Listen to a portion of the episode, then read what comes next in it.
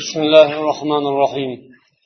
الحمد لله رب العالمين والصلاة والسلام على سيدنا وحبيبنا محمد وعلى آله وأصحابه أجمعين. أما بعد حرمت برد الله محترم وفاسم الله السلام عليكم ورحمة الله وبركاته. o'tgan suhbatlarimizda hayo haqida olloh nasib etganicha batafsil gaplashdik endi hozir yana mana shu mavzuni biroz davom ettiramiz. Balkim bu safargisi avvalda o'tgan shu hayo haqidagi suhbatimizning yakuni balkim xulosasi bo'lar. Payg'ambarimiz sollallohu alayhi vasallam muso alayhissalom haqlarida hikoya qilganlar. Bu hadisni abu hurayra roziyallohu anhu rivoyat qiladilar. Rasululloh sollallohu alayhi vasallam aytadilar muso juda ham hayoli va uyatchan inson edi. Uning jasadidan tanasidan hech bir a'zo hech bir yeri ko'rinmas edi. Ya'ni asli avrat bo'lgan mavzelar nazarda tutilayotgani yo'q bu yerda. Ya'ni insonning avrat hisoblanmaydigan mavzelari ham ba'zi odamlar uchun demak bu ham hayoliy odamlar uchun o'zlarini demak shundan tiyadilar istihola qiladilar. Odamlardan uyalgani uchun muso badanlaridan biror yerni ko'rsatmas edi. Banu isroil buni shuning sababidan musoga ozor berdilar. Aytdilarki bu hech o'zini badanini ko'rsatmaydi. Bunda bir gap bo'lsa kerak buning bir aybi bo'lsa kerak deb badanida tanasida biror bir kasallik biron bir ayb nuqson bo'lsa kerak deyishdi. Alloh taolo muso alayhissalomni ana u odamlarning so'zidan poklashni iroda qildi. Bir kuni muso alayhissalom cho'milmoqchi bo'ldilar. Odatda u kishi yolg'iz cho'milardilar. Odamlar cho'miladigan joyda cho'milmasdilar. Kiyimlarini yechib bir toshni ustiga qo'ydilar va keyin cho'milishga boshladilar. Bir mahal allohning irodasi qudrati xohishi bilan haligi toshga jon kirib tosh kiyimni olib qochdi. Muso alayhissalom buni ko'rdilar va toshni kiyimdan quvdilar.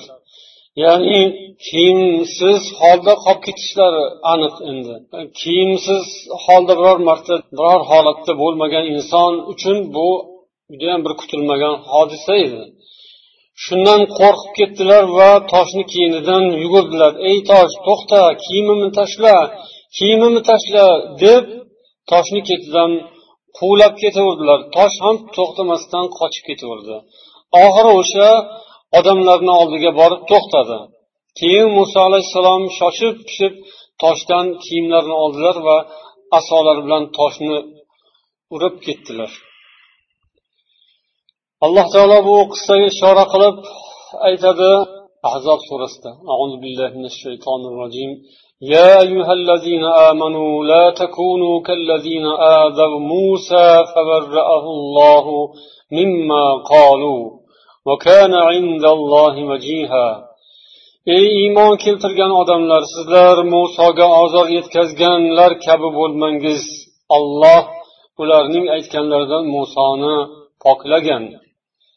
Muso olloh huzurida nihoyatda e'tiborli obro'li edi deydi. Bu rivoyatdan tushuniladiki demak inson sharmu hayosini saqlashi uning o'ziga o'zining obro'si hurmati uchun bo'ladi. Alloh taolo huzuridagi obro'li hurmatli inson edilar muso alayhissalom. Inson avrati mug'allada deyiladi avratlarini demak ko'rsatmasdan yurishi bu farzi ayn qattiq ta'kidlanadigan narsa. Ammo hayoli insonlar mana muso alayhissalomning misollarida avrat hisoblanmagan yerlarni ham odat bo'lmagan uchun harom bo'lgani uchun emas odat bo'lmagani uchun va hayoga muvofiq kelmagani uchun o'zlarini ana shunday mm, yashirib yurardilar. Odamlar muso alayhissalomni keyin ko'rishdi olloh u kishini nihoyatda kelishgan chiroyli qilib yaratgan ekan. Biror bir aybu nuqsonlari yo'q ekan. Alloh o'zining payg'ambarini ana shunday qilib odamlarning zolimona so'zlaridan nohaq gaplaridan olloh o'zi himoya qildi pokladi endi hayotda inson turmushida yurish turishida hayoga misol bo'ladigan holatlar haqida biroz to'xtab o'tamiz. Yuqoridagi rivoyatda ham ana shunday hayoli insonlarning holatlaridan bitta shuni esladik endi oddiy musulmonlar hayotida oddiy insonlar hayotida hayoning ko'rinishlari qay tarzda bo'lishi kerak? Nimalarga e'tibor berishimiz kerakligi haqida biroz fikr yurg'izamiz. Ulamolarning bu borada aytgan so'zlariga tayangan holda. Bu haqda ulamolarning ijtihodlariga murojaat qilamiz. Yetti xil holatni ular ko'rsatishgan.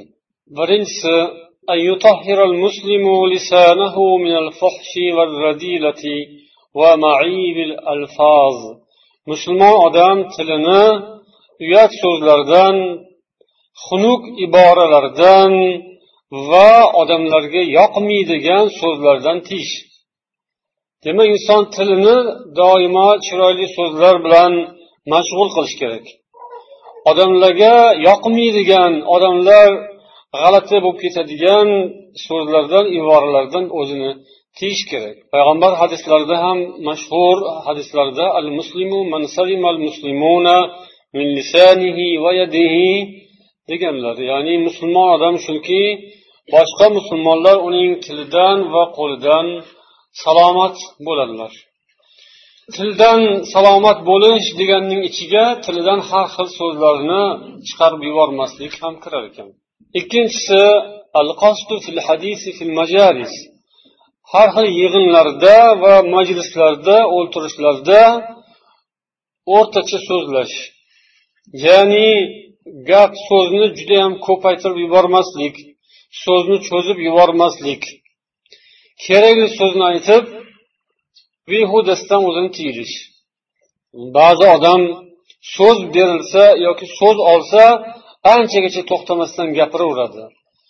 Majlislarda ba'zan shunday bo'ladi keyin bu yoqdagilar tiqillatadi stolni yoki bunday jiringlatadi ishora qiladi vaqti tugadi deb. Bu ham hayoli odamlar uchun ortiqcha narsa. Hayosi bor odam o'zining hurmatini saqlagan odam mm, kerakli miqdorda so'zni aytib birov to'xtatishdan oldin o'zi to'xtagani yaxshi ekan. Uchinchisi أن يحرص المسلم على سمعته فلا يقول أو يفعل ما يشوه سمعته inson o'zining obro'sini hurmatini saqlash uchun harakat qilish kerak bu faqat so'zgagina taalluqli emas balki boshqa ishlarda ham har qanday harakat muomala tasarrufot har qanday ish insonni obro'sini yo ko'taradi yo tushiradi shunga ehtiyot bo'lish kerak yoki muboh ishlar o'rtacha bir holatda bo'lishi mumkin. Inson o'zini tahqirlanishga masxara bo'lishiga sabab bo'ladigan ishni qilish kerak emas. O'ylash kerak. Odamlar uni masxara qilib kamsitishlariga sabab bo'ladigan ishni o'zi qiladi ba'zida inson. Hech kim o'zini masxara bo'lishini xohlamaydi tahqirlanishni xohlamaydi. Lekin o'zi xohlamagan holda shunaqa ishni qiladi odamni keyin uni masxara qilishadi ustidan kulishadi. Keyin u xafa bo'ladi. Mana ustimdan kulishdi masxara qilishdi deydi. Masalan yosh bolalar yig'lab beradi masxara qildi mana kuldi deb. Yo kattalar xafa bo'ladi. Yaxshi ish emas birovni masxara qilish. Birovni masxaralash ham o'zi tarbiyasiz odamlardan kelib chiqadi. Tarbiyali odam birov masxaralanishga loyiq bo'lgan o'rinda ham masxara qilmaydi. Tilini tiyadi jim turadi. Ollohdan panoh so'raydi shunaqa holatga xudoyo mani solib qo'ymagin deb turadi va birovni hech masxara qilmaydi birovni ustidan kulmaydi birovni kamsitmaydi. Bu demak yomon narsa. Lekin insonning o'zi ham ana shunday masxara bo'ladigan holatlarga tushmaslikka harakat qilishi lozim. Bu ham uning hayotini kuchliligidan paydo bo'ladi. To'rtinchisi muhofazatul mar'atil muslima ala karamatiha va hishmatiha musulmon ayol o'zining hurmatini va hayosini obro'sini saqlashi. Bu ham demak insonning qay darajada uyatchan hayoli ekaniga dalolat qiladi. Hayo iymondan.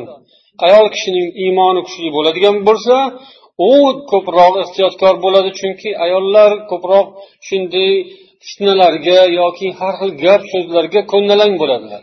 Ba'zida erkaklar uchun ayb bo'lmagan ish ayollar uchun ayb bo'ladi. Ayol kishi o'zini nihoyatda ehtiyot qilishi kerak. Boshqalardan ham ko'ra u hushyorroq bo'lishi kerak. Shuning uchun o'zini chetroqqa olib yuradi sahna ham orqasida turadi oxirroqda turadi toki uning iffatiga sharmu hayosiga gard yuqmasin chang g'ubor qo'nmasin uchun o'zini ehtiyot qiladi. والبعد عن مسالك الريبة ومواطن الرذيلة. shubhaga sabab bo'ladigan o'rinlarga bormaydi ayol kishi shubha gap biror bir gumon paydo bo'lishiga sabab bo'ladigan ishlardan ham o'zini uzoq tutadi hayoli inson beshinchisi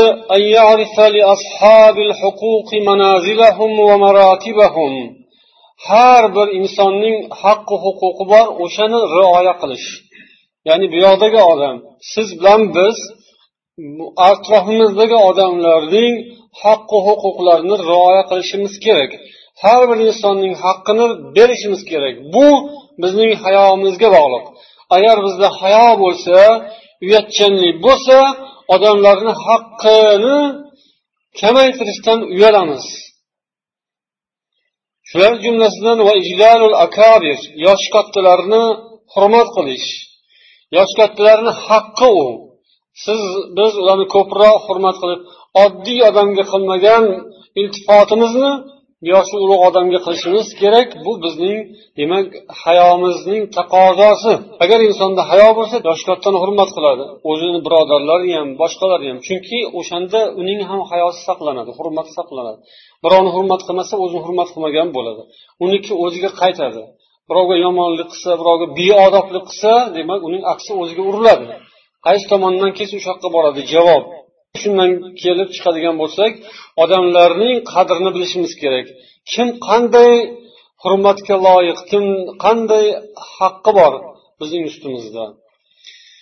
Bu borada abdulloh ibn abbos abdulloh ibn umardan bo'lgan rivoyat mashhur hodisani eslashimiz mumkin. Ana o'sha yerda ham abdulloh ibn umar uyaldim hayo qildim degan iborani ishlatgan edilar. Ya'ni rasululloh sollallohu alayhi vasallam bir kun sahobalar bilan suhbatlashib o'tirganlarida shunday bir daraxt bor musulmonga o'xshaydi uning yaproqlari to'kilmaydi agar tepasidan kesib qo'ysangiz u quriydi qaysi daraxt bu deb so'radilar. Shunda sahobalar birlari undoq birlari bundoq dedilar. Har xil so'zlarni keltirdilar. Hech kim to'g'ri javobni ayta olmadi. Shunda abdulloh ibn umar aytadilarki mana qalbimga shu narsa keldi. Bu xurmo bo'lsa kerak deb o'yladim. Lekin shuni gapirishdan uyaldim dedilar. Abdulloh e, ibn umar keyin yo'lda qaytib ketayotganlarida otalariga shu narsani aytganlar. Man shu hayolimga keldi o'sha narsani xurmo ekanligini bildim. Shunday bo'lsa kerak dedim shunaqa ekan lekin uyaldim deganlarida otalari e shuni aytmabsanda aytganingda yaxshi bo'lardi deb demak otalari shuni orzu qilib qoldilar. Lekin bu yerda e'tibor beriladigan nuqta qayerda? Abdulloh. Abdulloh kichkina bola edi u paytda. kattalarni ichida kattalardan o'tib gapirib yuborishdan u kishi uyaldi yana bir rivoyatda aytilgan ekan odamlarning o'sha yerdagi qavmning eng kichkinasi va yoshlari eng e, kichigi edilar shu jihatdan demak gapirmadilar yana bu yerda رأى وفي رواية أنه رأى أبا بكر وعمر لا يتكلمان qarasalar abu bakr va umar gapirmasdan jim turishibdi. Ular gapirmayotgan o'rinda gapirishni yoqtirmadilar. Ana qarang yosh bolaning hayosi. Hayo bu qayerdan keladi? Hayo bu iymondan va yana qayerdan? Aqldan tarbiyadan. Aql. Insonning aqli hayo aqliy shar'iy urfiy deb aytdikku. Demak shunga u insonning aqli